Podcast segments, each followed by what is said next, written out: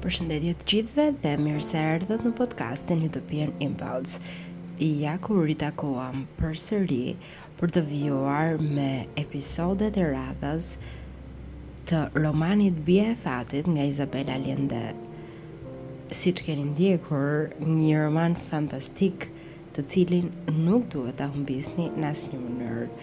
Gjej këtu momentin për t'ju uruar edhe festa të bukura dhe për t'ju njoftuar gjithashtu që në javët në vijim edicionet do t'i kemi shumë më të shpeshta, duke qenë se jemi dhe në atmosferë krishtlindjesh edhe vitit të ri. Po fillojmë me episodin e radhës Dashuria.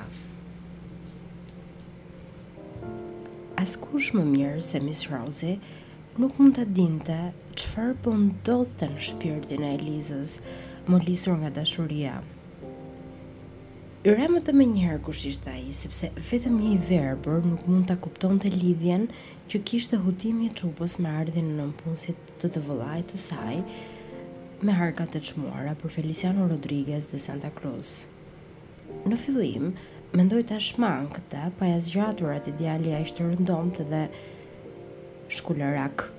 Por, shumë shpejt e kuptoi se edhe ajo qe prekur nga hiri i tij i rrezikshëm dhe s'po e hiqte dot nga mendja. Kuptohet se në një vështrim të parë, sytë i kishin shkuar te rrobat e arnuara dhe fytyra e tij e zbehtë si e një të vdekuri.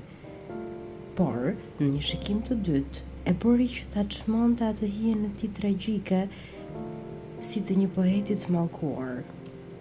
Ndërsa ishte duke qëndisur krejt e përqendruar në dhomën e punëdores së grarisë, po shtrydhte mendjen për këtë kthesë të fatit që po ia përmbyste planet e saj për t'i gjetur Elizës një burrë të shkëlqyeshëm, edhe pareli. Mendja e saj punonte për të thurur një varg planesh që ta shkulte atë dashuri para se të lindte. Këto plane parashikonin si mundësinë për ta çuar Elizën në një internat për zonjusha në Angli apo në Skoci, tek tezja e saj plakë, ashtu edhe mundësinë tjetër që t'ia tregonte të gjitha të vëllait në mënyrë që ai ta hiqte qafe nëpunësin. Megjithatë, thellë në zemër, edhe pse e padashur, ajo ushqente fshehurazi shpresën që Eliza ta jetonte pasionin e saj, derisa të tretej edhe të mos e ndjente atë zbrazësinë e tmerrshme që asaj i kishte lënë tenori tetëmbëdhjetë vjet më parë. Ndërkaq, për Elizën koha kalonte tejet ngadalë, në një shtjellë ndjenjash të turbullta. Nuk e dinte në ishte ditë apo natë, e martë apo e premte, nëse qysh kur kishte njohur atë djalë kishte kaluar orë apo vite. Papritur edhe pa kujtuar, ndjeu që gjaku po i bëhej shkumë dhe se lëkura po i mbushej me puçra që i zhdukeshin menjëherë edhe në mënyrë të pashpjegueshme, po në të njëjtën mënyrë siç i shfaqeshin. E shihte njeriun e zemrës kudo, në hijet e cepave, në trajtat e reve, brenda filxhanit të çajit dhe sidomos në ëndërr. Nuk e dinte si quhej, edhe nuk guxonte të pyeste Jeremy Somersin sepse druhej mos linte ndonjë borë dyshimesh. por kalonte orë të tëra duke imagjinuar një emër të përshtatshëm për të. Ndjente një nevojë të mprehtë të fliste me dikë për dashurinë e saj. Analizonte çdo hollësi të vizitës së shkurtër të djalit. Të bënte lloj-lloj arsyetimesh për ato që s'i kishin thënë njëri-tjetrit, për ato që me gjasë kishin thënë dhe për çka kishin transmetuar me anë të shikimit, me të skuqurit e fytyrës dhe me dëshirat e pashfaqura, por nuk kishte se me kë. Dëshironte me gjithë shpirt të vinte kapiten John Somersi, ai ungji me prirje pirati që kishte qenë personazhi më magjepsës i familjes së saj, i vetmi që ishte në gjendje ta kuptonte dhe ta ndihmonte në ato çaste. Nuk kishte pikë dyshimi se Jeremy Somersi po ta merrte vesh si ishin punët, do t'i shpallte luftë të ashpër nëpunësit të thjeshtë të firmës së tij, ndërsa qëndrimi i Miss Rozit ishte diçka që nuk mund ta parashikonte. E ndau mendjen se sa më pak të dihej në shtëpi aq më shumë do të ishin të lirë ajo dhe i fejuari i ardhshëm. Nuk i shkoi aspak ndër mend se mund të mos i gjegjej, po me atë forcë ndjenje, sepse i dukej krejt e pamundur që një dashuri aq e madhe të brekte vetëm atë. Logika dhe drejtësia më i thjeshtë të shtynin të mendoje se diku në qytet edhe ai do të ishte viktimë e po atij mundi e mundimi të këndshëm. Eliza fshihej dhe prekte trupin në vende të fshehta që s'i kishte kundruar kurrë më përparë. I mbyllte sytë dhe atëherë i bëhej se ishte dora e tij që e ledhatonte me delikatesë.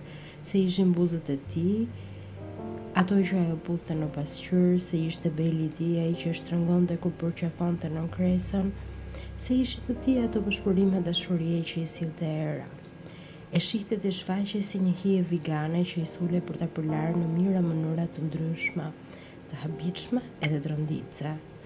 Dashnor, djall, kryeangjëll, nuk e dinte ç'ishte. Nuk donte të zgjohej edhe të vinte në praktikë me një bindje fanatike cilësinë që i kishte mësuar mëmë Frezia, që të hynte e të dilte nëpër ëndrra simbas qefit. Mbërriti ta zotëronte aq fort këtë mjeshtri, sa dashnori i përfytyruar i shfaqej si njëmend i pranishëm, Mund ta prekte, ta ndjente për bukuri, kthjelltas edhe krejt pranë erën e trupit dhe zërin. Në rast se do të kishte mundësi të flinte vazhdimisht, nuk do të kishte nevojë për tjetër gjë. Mendonte se mund ta donte sot e mot nga shtrati i saj. Do ta kishte tretur jermi i atij pasioni në rast se Hoakin Andieta nuk do të ishte paraqitur një javë më vonë për të tërhequr kolitë që i duheshin nisur klientit në veri. E mori vesh një natë më parë se ai do të vinte dhe jo me anë të instinktit apo nga ndonjë parandjenjë, siç do të hidhte fjalën larg e larg kur t'ia tregonte këtë ngjarje Tao Çienit vite më vonë, por sepse në kohën e darkës kishte dëgjuar Jeremy Somersin tek po i jepte udhëzime së motrës edhe mëmë Frezias. Do vijë ta tërheqë mallin po ai nëpunës që e ka sjellë, shtoi pastaj, pa i shkuar aspak ndërmend se çfarë stuhie emocionesh do të ngjallin fjalët e tij tek të tria gratë për arsye të ndryshme nga njëra-tjetra. Vajza e kaloi mëngjesin mbi tarracë duke përgjuar rrugën që, duke iu ngjitur kodrës, të sillte në shtëpinë e tyre.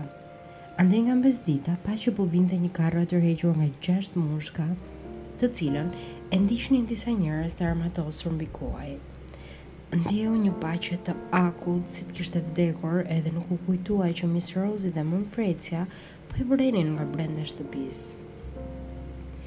Të lodhesh kaq shumë për ta edukuar dhe të bjerë në dashuri me rreckamanin e parë që kalon rrugës, turfulloi midis dhëmbëve Miss Rosie. e kishte ndarë të bënte të pamundurtën për ta shmangur më të keqen, por pa qenë shumë e bindur, sepse e njihte fort mirë forcën e panënshtruar të dashurisë së parë. Do ta dorëzoj unë mallin, thuaj Elizës të futet brenda dhe mos e lër të dalë për asnjë arsye, urdhëroi. Po në ç'mënyrë mendoni se do ta pengoj? Ndryje me çelës po të jetë nevoja.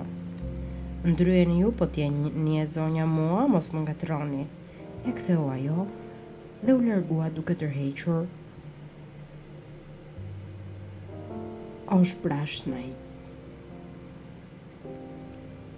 Nuk qe e mundur ta ndrynin vajzën dhe ta pengonin që të mos i jepte një letër Hoakin Andietës. Veproi faqe të gjithëve duke e shikuar drejt në sy dhe me një vendosmëri aq krenare sa Miss Rozi nuk guxoi ta ndalonte dhe as Mëmë Frecia të futej në mes. Atëherë, të dyja gratë e kuptuan se syri i keq ishte shumë më i fuqishëm se ç'kishin menduar dhe se nuk mund të kishte dyer të ndryra me lloz apo qiri mirëbërës që ta largonin mësymjen. Edhe djaloshi e kishte kaluar atë javë me mendjen te çupa e re, duke pandehur se ishte bija e punëdhënësit, Xheremi Somersit, dhe për pasojë krejt e pamundur të prekej Nuk e pandehte se i kishte bërë aq shumë përshtypje dhe nuk e kishte menduar se në takimin e mëparshëm, duke i ofruar atë gotë të paharruar me lëng frutash, ajo i kishte shfaqur dashurinë, prandaj u lemeris sa s'thuhet kur ajo i dha një zarf të mbyllur. fort i hutuar e futi në xhep dhe vijoi të mbikëqyrte ngarkimin e mallit në karro, me veshët që i digjnin, ujë në djersë, edhe duke ndjerë dridhma ethesh që i kalonin nëpër shpinë. Me këmbë, pa lëvizur dhe në heshtje, pak hapa larg tij, Eliza ia kishte ngulur sytë, duke bërë kinse nuk po e dallonte tërbimin e Mis Rozit dhe pendimin e Mëmë Frecias. Kur u largua edhe arka e fundit mbi karro dhe mushkat bënë një gjysëmrrotullimi që të fillonin të zbrisnin kodrën, Hoakin Andieta i kërkoi ndjesë Miss Rozit për bezdinë, përshëndeti Elizën, duke përthyer paksa kokën dhe u largua me ngut të madh. Letra e Elizës kishte vetëm dy rreshta, në të cilët tregonte ku edhe si do të takoheshin. Strategjema ishte aq e thjeshtë dhe aq e guximshme, sa mund të mendohej fare kollaj që e kishte menduar një mjeshtër i vërtetë i pacipërisë. Hoakini duhej të paraqitej mbas tri ditësh në orën nëntë të mbrëmjes te shenjtorja e Virgjëreshës së Ndihmës së Përjetshme, me një kapelë që lartohej nga Cerro Alegre. pranë shtëpisë së Somersave për të mbrojtur udhëtarët. Eliza kishte zgjedhur atë vend sepse ishte afër dhe atë datë sepse binte një të mërkurë ku Miss Rosa dhe Mëmë Fresia edhe tërë shërbëtorët do të ishin të zëna me darkën dhe askush nuk do ta vinte re në rast se do të mund të largohej për pak kohë. Mbas largimit të Michael Stewart, të lënduar, nuk kishte pse të organizoheshin prapë vallëzime dhe as dimri i parakohshëm nuk jepte shkas për kësi veprimesh. Por Miss Rosie e kishte mbajtur gjallë ritualin që t'u zinte frymën thashethemeve që qarkullonin rreth saj dhe oficerit të marinës. T'i pezulloje mbrëmjet muzikore që tashti që mungonte Stewarti donte të thoshte të pranoje haptazi se ato organizoheshin vetëm për të. Në orën 7, Joaquin Andieta ndodhej në vëndin e takimit dhe po priste me padurim. Nga larg, pa si vezullonte shtëpia e ndriçuar, pa vargun e karrocave dhe me të ftuarit, edhe lampat e ndezura të karrocierëve po prisnin në rrugë. Nja dy herë iu desh të fshihej rojave që kalonin për të kontrolluar Llambat e shenjtores që i fi kishte fikur era. Ajo ishte një ngrehinë e vogël në trajtë katërkëndëshi me tulla, që kishte në majë një kryq druri të lyer me bojë, pak sa më e madhe se sa një rrëfyestore, brenda së cilës ruhej në një shëmbëlltyrë allçia e virgjëreshës. Në të kishte tabaka me rreshta qirinjsh kushtimorë të shuar edhe një amforë me lule të thara. Ishte një hënë e plotë, por qiellin e përshkonin alamet resh që tash e parë e zinin plotësisht dritën e hënës. Pikërisht, në orën nëntë ai ndjeu se kishte ardhur vajza dhe ia dalloi trupin të mbështjellë kokë e këmbë me një mantilje të zezë. Po ju prisja zonjushë. Vetëm kaq mundi të belbëzonte edhe iu duk vetja fare leshko. Unë të kam pritur gjithmonë, ia ktheu ajo pa pikë ngurrimi. Hoqi mantilin dhe Hoakini pa se ishte veshur si për festë. Kishte një fund të palosur dhe në këmbë kishte mbathur një palë sandala. Në dorë mbante një palë çorape të bardha edhe një palë këpucë prej kamoshi të cilat nuk donte t'i bënte me baltë gjatë rrugës. Flokët e zinj të ndarë në mes i kishte bërë gërshet edhe i kishte lidhur me kordele të shkëlqyera. U ulën mbi mantiljen që ajo shtroi për tokë, aty rrëzë shenjtores të fshehur nga shtatorja, në heshtje, shumë pranë, por pa u prekur. Për një kohë të gjatë nuk guxuan të shikoheshin Në atë gjysëmhije të hutuar, ngaqë ishin aq pranë, duke dihatur në të njëjtin ajër edhe duke ndier që po përvëlonin edhe pse frynte goxha erë, aq sa rrezikonte t'i linte në errësirë. Mua më quajnë Eliza Somers, i tha ajo më në fund. Edhe mua më quajnë Hoakin Andieta, iu gjegj ai. Kujtoja se të quanin Sebastian. Pse? Sepse i përngjet Shën Sebastianit martirit. Nuk shkoj në kishën baptiste jam protestante, por ka qëlluar që më ka çuar mëmë Fresia për të zgjidhur kushtet. Edhe biseda mbaroi sepse nuk dinin ç'të thoshin tjetër. Shikoheshin me bisht të syrit edhe skuqeshin që të dy njëherësh. Eliza e ndjente që ai mbante era sapun edhe djersë, por nuk e afronte hundën siç do të kishte dashur. Aty, në atë shenjtore, të vetmet zhurma që ndiheshin ishin era dhe frymarrja e tyre. Mbas pak minutash, ajo i tha se duhej të kthehej në shtëpi para se të kujtoheshin që mungonte, edhe u ndanë duke tokur duart. Do të takoheshin në atë vend të mërkurave gjithmonë në orë të ndryshme për pak çaste. Për të shkuar në këto takime që ua ndiznin flakë zemrat, ata do të ecnin me hapa të mëdhenj midis kllapisë dhe mundimeve të dashurisë.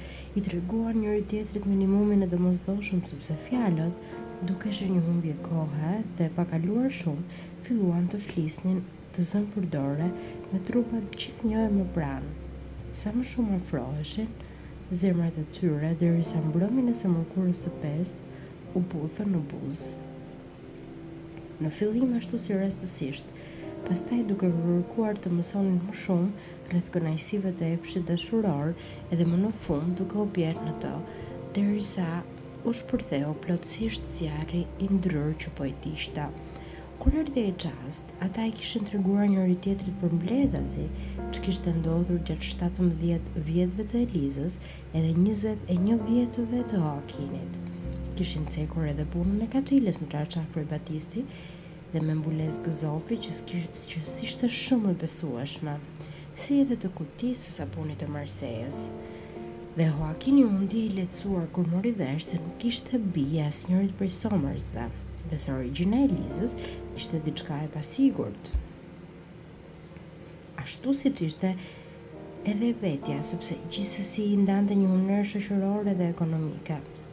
Eliza mësoi se Hoakini ishte bir i një dashurie kalimtare. I ati ja kishte mbathur shpejt me të mbjellë farën dhe djali ishte rritur pa ja mësuar emrin. Me llagapin e së ëmës dhe me vulën e kopilit që do ta pengonte në çdo hap të jetës së tij. Familja e kishte përzënë vajzën e koritur dhe s'kishte dashur t'ia dinte për kopilin. Gjyshërit dhe ungjrit e tij tregtarë dhe funksionarë që i përkisnin një klase të zhytur në batakun e paragjykimeve jetonin po në atë qytet disa blloqe shtëpish më larg. Por, nuk takoheshin kurrë as rrugës. Të dielave shkonin në të njëjtën kishë, por në orare të ndryshme, sepse skamnorët nuk e dëgjonin meshën e mesditës. Me atë vulë mbi vete, Hoakini nuk kishte luajtur në të njëjtat kopshte dhe as kishte ndjekur të njëjtat shkolla si kushërinjtë e tij, por kishte përdorur lojërat dhe veshjet që s'u hynin më në punë atyre dhe që një teze zemërmirë ia dërgonte nëpërmjet rrugëve të tërthorta motrës së mohuar. Nëna e Hoakin Andietës kishte patur pak fat se më pak fat se Mis Rozi dhe kishte paguar shumë shtrenjtë dobësinë e saj. Dy gratë kishin thuajse të njëjtën moshë, por ndërsa anglezja dukej e re, Tjetra ishte shkrirë nga mjerimi dhe vyshkur dhe prej punës së vështirë që bënte, qëndiste paja nusesh nën dritën e një qiriu. Fati i keq, s'ia kishte cënuar dinjitetin, prandaj edhe e kishte edukuar të birin me parimet e pacënueshme të ndershmërisë. Hoakini mësoi shumë shpejt të ecte me kokën lart dhe t'i bënte ballë çdo lloj talljeje apo dhimbsurie. Do të vijë dita që do ta heq mamën nga ajo karakatinë, tha Hoakini me zë, midis pëshpërimave që shkëmbenin te shenjtorja. Do t'i fal një jetë për të qenë, si ajo që kishte para se t'i humbiste të gjitha. Nuk i ka humbur të gjitha, ka një djalë, ia ktheu Eliza. Unë i kam sjellë fatkeqësi. Fatkeqësi ishte që u dashurua me një njeri të lig. Ti je shpëtimi i saj, tha ajo e bindur. Takimet e dy të rinjve ishin shumë të shkurtra edhe nuk bëheshin kurrë në të njëjtën orë. Prandaj Mis Rozi nuk i zbuloi dot sepse s'ishte në gjendje të vigjilonte natë e ditë. E dinte se mes krah, mbrapa krahëve të saj po ndodhte diçka, por nuk u bë aq e ligë sa ta ndrynte Elizën në kyç apo ta çonte në fshat, siç e lypte detyra. Ajo as nuk ia përmendi dyshimet e saj të vëllait, Xheremis. E merrte me mend se Eliza dhe dashnori i saj shkëmbenin letra, por nuk mund t'i kapte asnjë prej tyre, edhe pse kishte mobilizuar të gjithë shërbëtorët. Letrat shkëmbeheshin për një mend, edhe ishin kaq shumë saqë Mis Rozi do të mbetej e shtangur po t'i shihte. Hoakini nuk ia niste. por ia jepte Elizës në çdo takim. Në to, ai thoshte me fjalë të zjarrta atë që nuk guxonte t'ia thoshte sy në sy. I penguar nga krenaria apo nga marrja, ajo i fshinte brenda një kutie tridhjetë centimetra nën dhe, në kopshtin e vogël të shtëpisë, ku çdo ditë bënte sikur merrej me bimët mjekësore të Mama Fresias. Ato letra që i kishte lexuar qindra herë vjedhurazi, Ishin ushqimi kryesor i pasionit të saj sepse nxirrnin në dritë një anë të Hoakin Andietës që nuk zbulohej kur ishin bashkë. Dukej sikur ishin shkruar nga një tjetër njeri. Ai djalë krenar gjithmonë gati të mbrohej, i ngrysur edhe i vuajtur, që e përqafonte me zjarr dhe që aty për aty e shtynte sikur ta përvëlonte prekja e saj. Nëpër letra, ia hapte shpirtin dhe i fliste për ndjenjat e tij me një hov poeti. Më vonë, kur Eliza do t'u binte mbrapa gjurmëve jo fort të qarta të Hoakin Andietës, ato letra do të ishin e vetmja lidhje me të vërtetën. Prova e pakundërshtueshme se ajo dashuri e papërmbajtur nuk kishte qenë një fryt i fantazisë së saj prej adoleshenteje, por kishte ekzistuar për një mend. Bekim i shkurtër dhe një mundim i zgjatur. Mbas të mërkurës së parë që u takuan te shenjtorja, Elizës iu zhdukën dhimbjet e forta dhe të dhe të fshehtën s'e nxirrte në shesh as qëndrimi dhe as pamja e saj e jashtme. Përpos atij ndriçimit çmendurak në sytë e saj, si dhe zhdukjeve të saj tash e parë nga sytë e të tjerëve. Hera-herës jepte përshtypjen se në të njëjtën kohë ndodhej në vende të ndryshme. Njerëzit shashtiseshin dhe nuk ishin të zotët të kujtonin ku dhe kur e kishin parë. Por sapo nisnin e thërrisnin, ajo iu dilte përpara sikur të mos e kishte marrë vesh se po e kërkon. Ndërsa herë të tjera ishte në dhomën e punëdores së grarisë me Mis Rozin apo duke përgatitur ndonjë gatim me mëmë Frecian. por ishte bërë aq e tejdukshme sa asnjëra nga të dyja gratë nuk kishte përshtypjen se e shihte. Prania e saj ishte e lehtë, thuajse e padallueshme, dhe kur largohej, askush nuk kujtohej, veçse disa orë më vonë. Sikur je fantazëm, më ka ardhur në majë të hundës duke të kërkuar. Nuk dua të dalësh nga shtëpia dhe të më largohesh sysh. E urdhëronte vazhdimisht Mis Rozi. Nuk kam lëvizur tërë mbasditen këndej, e kthente Eliza, pa u turbulluar aspak, duke shfaqur në ndonjë cep dhome me një libër apo me një qëndisëm në dorë. Pash zotin bëj pak zhurmë, bijo, si mund të shoh kur je më e heshtur se lepuri, shtonte mëmë Frecia. Ajo thoshte po, pastaj bënte atë që donte dhe përpiqej të dukej e bindur që ta kishin me sy të mirë. Brenda pak ditësh, fitoi një aftësi të habitshme të ngatërronte mendjen sikur tërë jetën kishte kaluar duke u marrë me magji. Kur e pa që s'ishte e mundur ta zinte gafil apo të provonte se gënjente, Mis Rozi vendosi t'i fitonte besimin dhe shpeshherë zinte e cekte tema dashurie. Shkaset nuk mungonin, thashetheme mbi mikeshen, rrëfenja romantike që i lexonin bashkë apo libretet e operave të reja italiane që i dinin përmendësh, por Elizës nuk i shpëtonte as edhe një fjalë e vetme që t'ia zbulonte Mis Rozit ndjenjat. Atëherë Mis Rozi kërkoi më kot nëpër shtëpi ndonjë shenjë që ta tradhtonte, rrëmoi mes ndërresave dhe në dhomën e çupës e ktheu përmbys koleksionin e saj të kukullave dhe të uh, librave dhe fletoreve, por nuk ia gjeti ditarin. Edhe po ta kishte gjetur, do të mbetej me gisht në gojë sepse në ato faqe nuk kishte as edhe një gjysmë fjale për Hoakin Andietën. Eliza shkruante vetëm për të kujtuar. Ditari kishte nga të gjitha, nga ëndrrat deri te një listë e pasosur recetash gatimi dhe këshilla shtëpiake, Si mund të majmje një pulë apo të hiqje një njollë yndyre? Kishte dhe arsyetime rreth lindjes së saj, mbi pajën e vockël luksoze edhe kutinë e sapunit të Marsejës, por asnjë fjalë për Hoakin Andietën. Për ta kujtuar, nuk kishte nevojë për ditarin. Shumë vjet më vonë, do të fillonte të shkruante në ato faqe për dashurinë e saj të së mërkurës. Më në fund, një mbrëmje, dy të rinjtë nuk u takuan te shenjtorja, por në banesën e Somersave. Derisa arriti ta merrte atë vendim, Elizën e munduan mëdyshje të pafundme, sepse e kuptonte që ishte duke hedhur një hap vendimtar. Vetëm duke u takuar fshehurazi me të, pa qenë mbikëqyrur, ajo do ta humbiste nderin, thesarin më të çmuar të një vajze, pa të cilin nuk mund të ketë të ardhme. Një grua nuk vlen asgjë pa virtytin, nuk mund të bëhet kurrë bashkëshorte apo mëmë, prandaj më mirë të varë një gur në qafë edhe të mbytet në det, Ishin fjalët që e kishte thënë e stërthënë. Mendoi se nuk do të kishte kurrfarë justifikimi për gabimin që ishte duke bërë, sepse ishte duke vepruar, duke i llogaritur gjërat edhe me paramendim. Në orën 2 të mëngjesit, kur i tërë qyteti ishte kredhur në gjumë me përjashtim të rojeve, që vinin vërdallë, me synë të ngulur errësirës, Hoakin Andieta gjeti mënyrën që të futej si hajn Nga terraca e bibliotekës, ku po e priste Eliza e veshur me këmishë nate e zbathur, duke u dridhur nga të ftohtët edhe nga ankthi.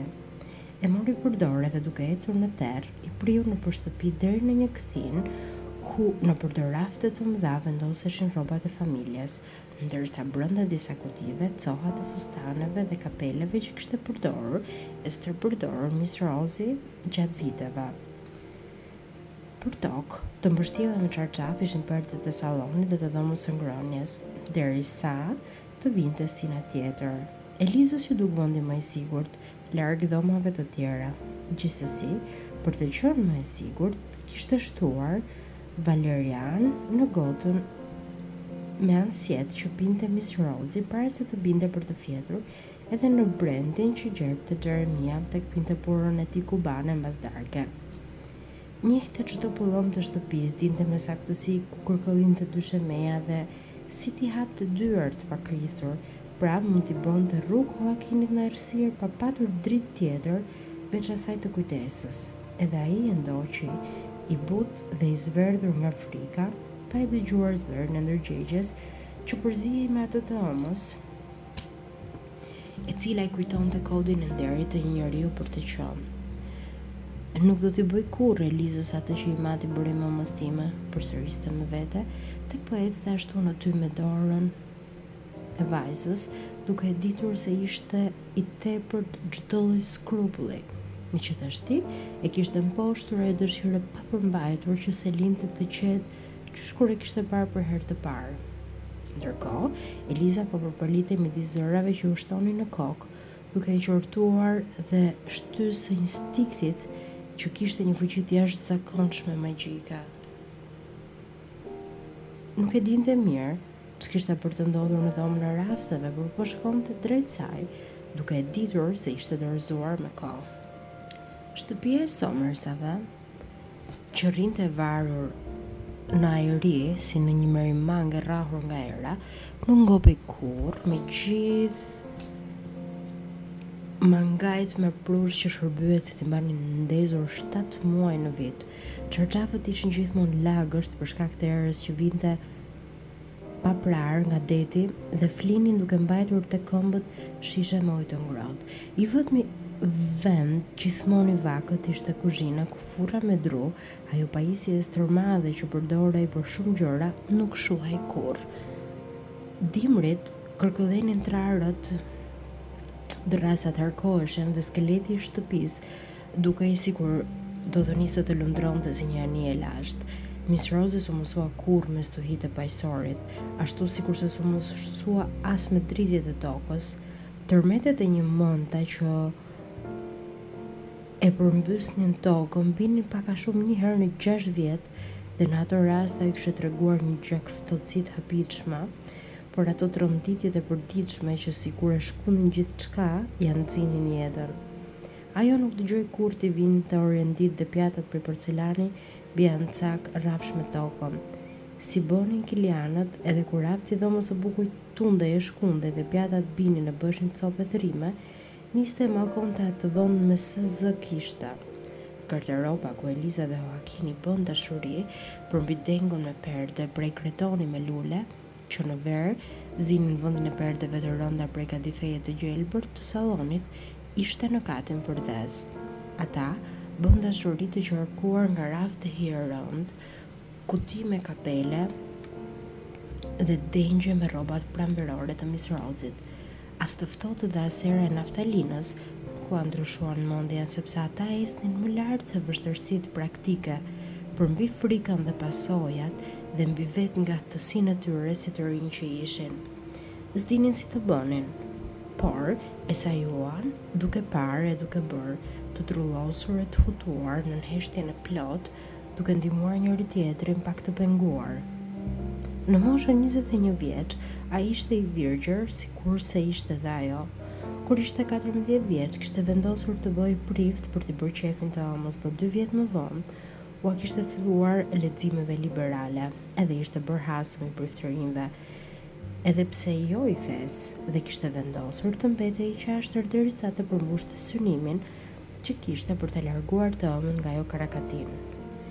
I dukej si shpërblimi më i pakët për flijimet e saj të pasosura, edhe pse ishin të virgjër dhe kishin kiamet frikë se mos i zinin gafil, të rinjtë qenë në gjendje të gjenin në errësirë atë që po kërkonin. Zbërthyen komça, zgjidhën nyje, e flakën tej ndrojen e cipën dhe u lakuriqosën, duke thithur ajrin e duke pirë pështymën e njëri-tjetrit.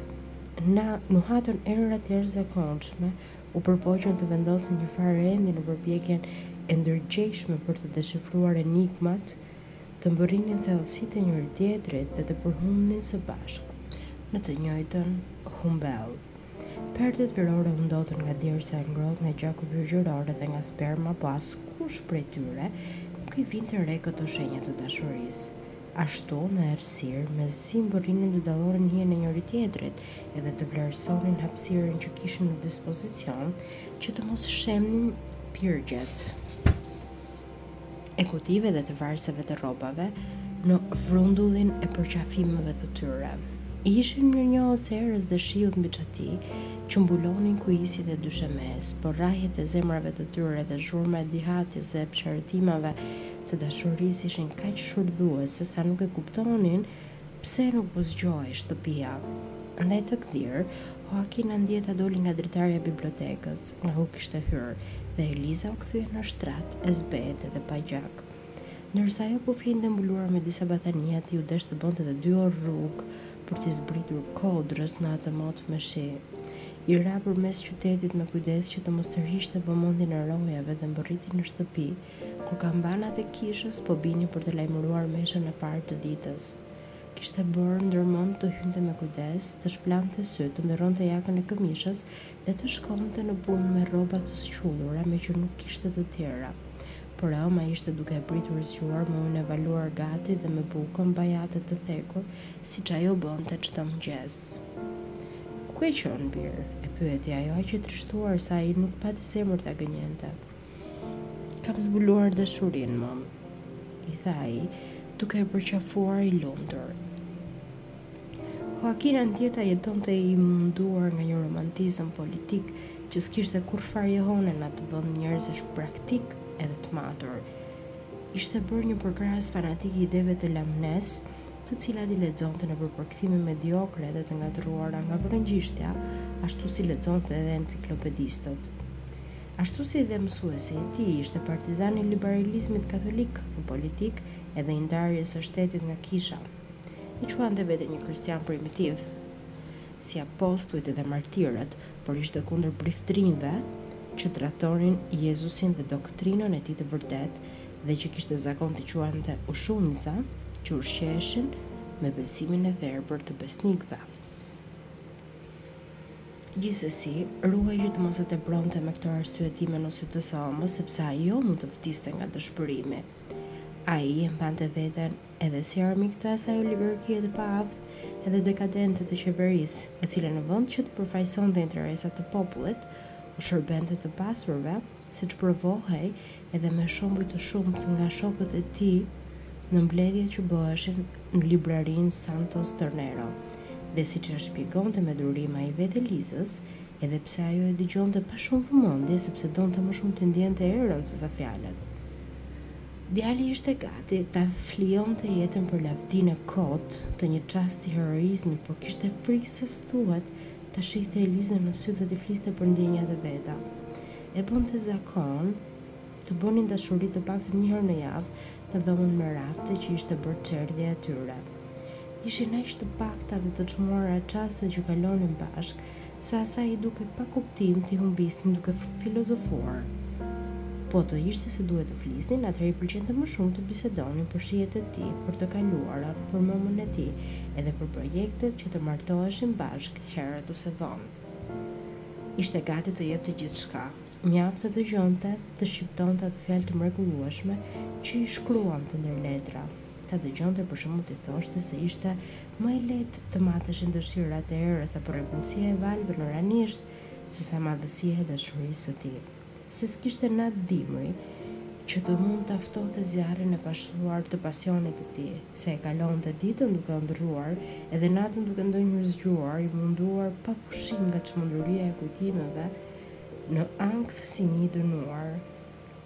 Të rrinte dhe të numëronte orët që mbeteshin, derisa të vinte koha për t'u përqafuar përsëri. Ti je Engjëll dhe rrënimi im, kur jam pranë teje unë njoh ekstazën hyjnore, edhe kur s'je ti kridhem në ferr. Ç'lloj pushteti ushtron ti mbi mua, Eliz? Mos më fol për të nesërmen edhe të djeshmen, unë jetoj vetëm për këtë çast të së sotmesh, kur kthehem e zhytem në natën e pafundme të syve të tu ngjyrerrët. E ndezur flakë nga romanet e Miss Rose-it dhe nga poetët romantikë, vargjet e të cilëve i dinte përmendësh, vajza humbiste krejt në kënaqësinë e brejtësve që ta ndjente veten të adhuruar si një hyjneshë edhe nuk e rrokte mospërkimin midis atyre fjalëve të përndezura dhe vetë thelbit të Hoakin Andietës.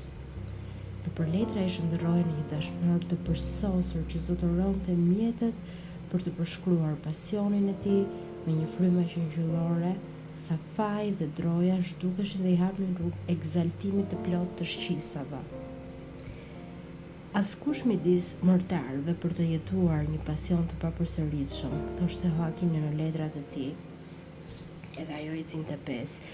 Megjithatë, bënte dashuri me ankth dhe me etje, pa e shijuar, si një njeri që i nënshtrohet një vesi me ndjesinë e fajit. Nuk gjente kohë për të njohur trupin e saj dhe as për të zbuluar të vetin. Atë e mposhte dëshira urgjente dhe fshehtësia. Kishte përshtypjen se koha nuk mjaftonte kurrë, edhe pse Eliza e qetësonte se në atë dhomë nuk shkonte askush natën dhe se Somersët flinin nën efektet e drogës edhe mëmë Fresia bënte të njëjtën gjë në kasollën e saj në fund të oborrit. dhe se dhomat e kusurit të shërbëtoreve ndodheshin në katin e fundit.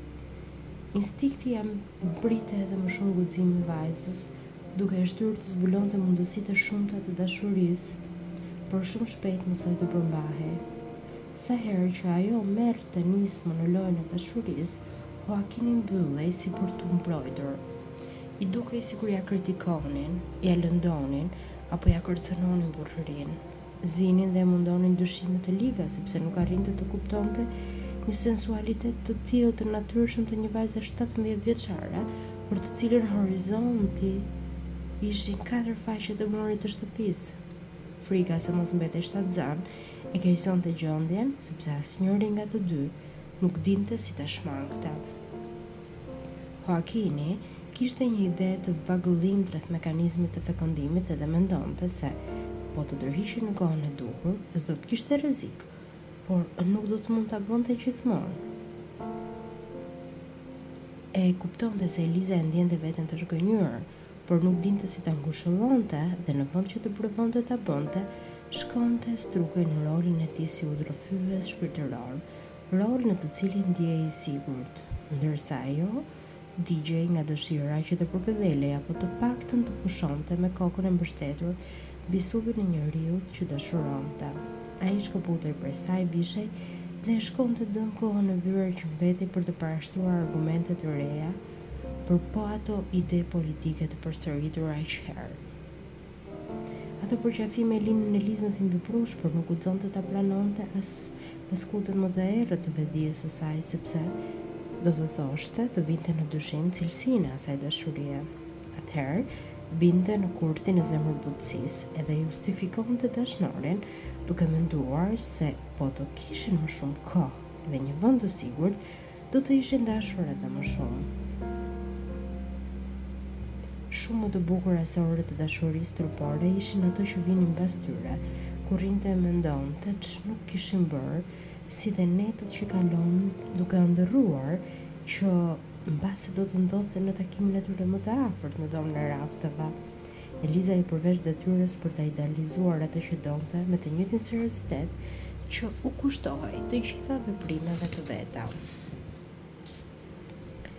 Derisa kjo iu bë një ide e ngulët, nuk donte tjetër veçse t'i shërbente pa kushte për tërë kusurin e ditëve të saj, të vuante për t'i provuar vetmohimin e saj edhe të vdiste për të. Po të lypsej një gjë e tillë.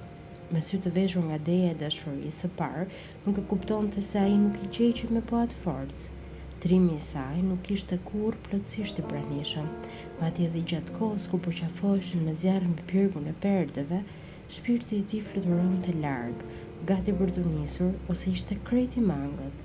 Ai i kushtohej përgjysmë, kalimthi në një lojë hijesh kineze që e bënte të çmendej, po kur vinte çasti që të ndaheshin, kur ajo ishte gati t'ia plaste vajit, sepse ishte uritur për dashuri, ai i linte në dorë njërën prej atyre letrave të tij përrallore. Atëherë për Elizën e tërë bota shndërrohej në një pasqyrë, që shërbente vetëm për të pasqyruar ndjenjat e saj. E pushtuar tërësisht nga dëshira e guximshme për të përjetuar një dashuri absolute, nuk kishte pikë dyshimi rreth aftësisë së saj për t'u dhënë pa rezerva dhe pikërisht prandaj nuk e kuptonte sjelljen e dyshimtë të Hakinit. Kishte sajuar një dashnor të përsosur dhe e ushqente atë ëndërr me një kokëfortësi të panënshtruar, imagjinata e saj po e kompensonte boshllëkun e përqafimeve pa duk të të dashurit që e linin të përhumbur në limbin e errët të dëshirës së pakënaqur. Edhe këtu do e mbyllim episodin e ditës së sotme, duke ju falënderuar për vëmendjen tuaj dhe duke ju ftuar që të shkarkoni podcastin Utopian Impulse edhe të jeni pjesë e tij dhe duke ju falënderuar ju të gjithë dëgjuesit e mi besnikë ju dërgoj një përshëndetje shumë të madhe dhe një falënderim shpresoj shumë që leximet e mia t'ju sjellin një kënaqësi edhe një relaks dhe duke ju uruar që këto ditë festash të jenë sa më të bukura për ju dhe për familjet tuaj, ju ftoj në episodin e radhës që do të jetë nesër. Mirë u dëgjofshim.